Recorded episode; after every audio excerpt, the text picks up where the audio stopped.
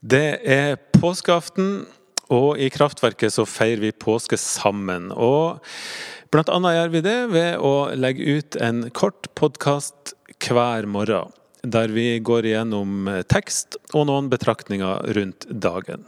Nå skal Martin Braut Kjelle lese dagens, en av dagens tekster fra Romerbrevet. Vær så god.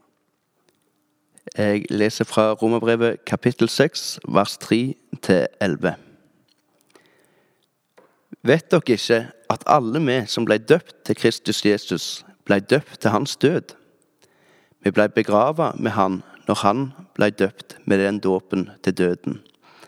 Og som Kristus ble reist opp fra de døde ved sin fars herlighet, skal òg vi vandre i et nytt liv. Har vi vokst sammen med Kristus i en død som er lik hans, skal vi være ett med han i en oppstandelse som er lik hans. Vi vet at vårt gamle menneske ble korsfesta ved Han, for at den kroppen som er underlagt synden, skulle tilintetgjøres, og vi ikke lenger skulle være slave under synden. For den som er død, er blitt fridd fra synden. Er vi døde med Kristus, tror vi at vi òg skal leve med Han.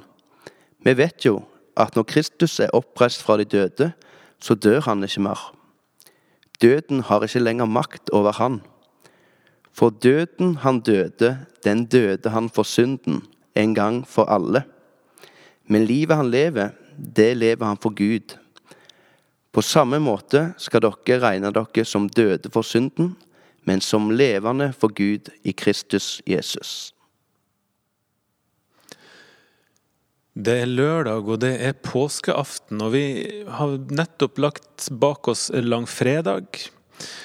Vi har første påskedager i morgen. Vi er i et slags vakuum. Maria, hva er dette slags dag? Det er eh, en dag som ligner den tiden verden er i. Altså, vi lever i en tid der vi både um, kan håpe på en påskemorgen der alt som er dødt i verden, skal reises opp igjen. Men uh, vi er ikke helt der ennå, da. Så jeg er veldig glad i denne dagen. Og så syns jeg den teksten vi hadde nå nettopp, sier veldig mye fint, da. Påskeaften er også i kirka sin tidlige tid en dag der man døpte nye troende, som hadde gått i lære gjerne i et helt år.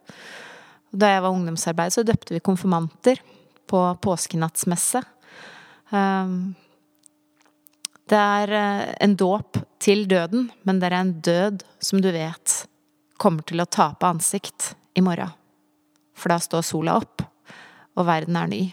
Så det er en veldig sånn spenningsfylt dag, med både lys og mørke på samme tid. Tomme Haaland, hva tenker du om denne dagen?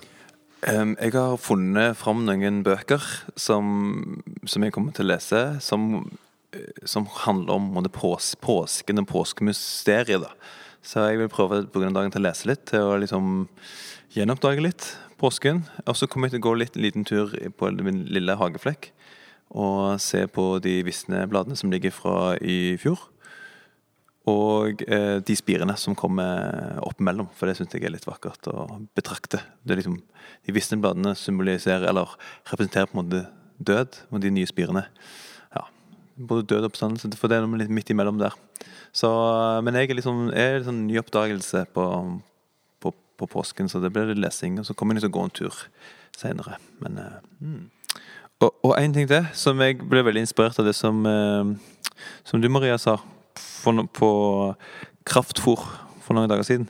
Um, det med å stå opp med solen. Ja. Så det tenker jeg jeg skal gjøre. Ja, det, det, var bra du nevnte. Fordi vi må faktisk stå opp klokka kvart på seks omtrent. Sola står opp sånn cirka fem over seks, ti over seks på morgendagen. Så da, da, er det godt å se den stå opp. Mm. Mm. Og så oppfordrer vi alle som hører på, til å slå på datamaskinen sin klokka ti i kveld. På Facebook så kommer vi til å streame en eh, konsert med noen av musikerne i Kraftverket. Noen flotte salmer som vi er glad i, noen sololåter som vi har brukt masse. Og på denne konserten så kommer akkurat dette her til å, å være tematikken. Vi starter i det mørke, med låter og salmer som, som sier noe om det mørke, og så kommer det ei vending. Og den siste halvdelen peker imot lyset. Jeg tror det kan bli ganske fint. Det skjer klokka ti.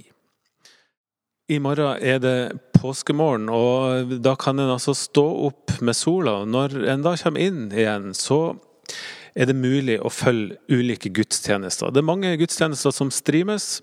Eh, klokka ni så er det en gudstjeneste fra Oslo domkirke. En morgengudstjeneste som vi kommer til å legge ut på vår Facebook-side.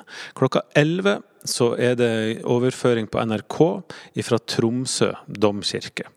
Vi anbefaler alle å, å, se inn på i hvert fall én av de, så feirer vi påske sammen i morgen uten å være sammen.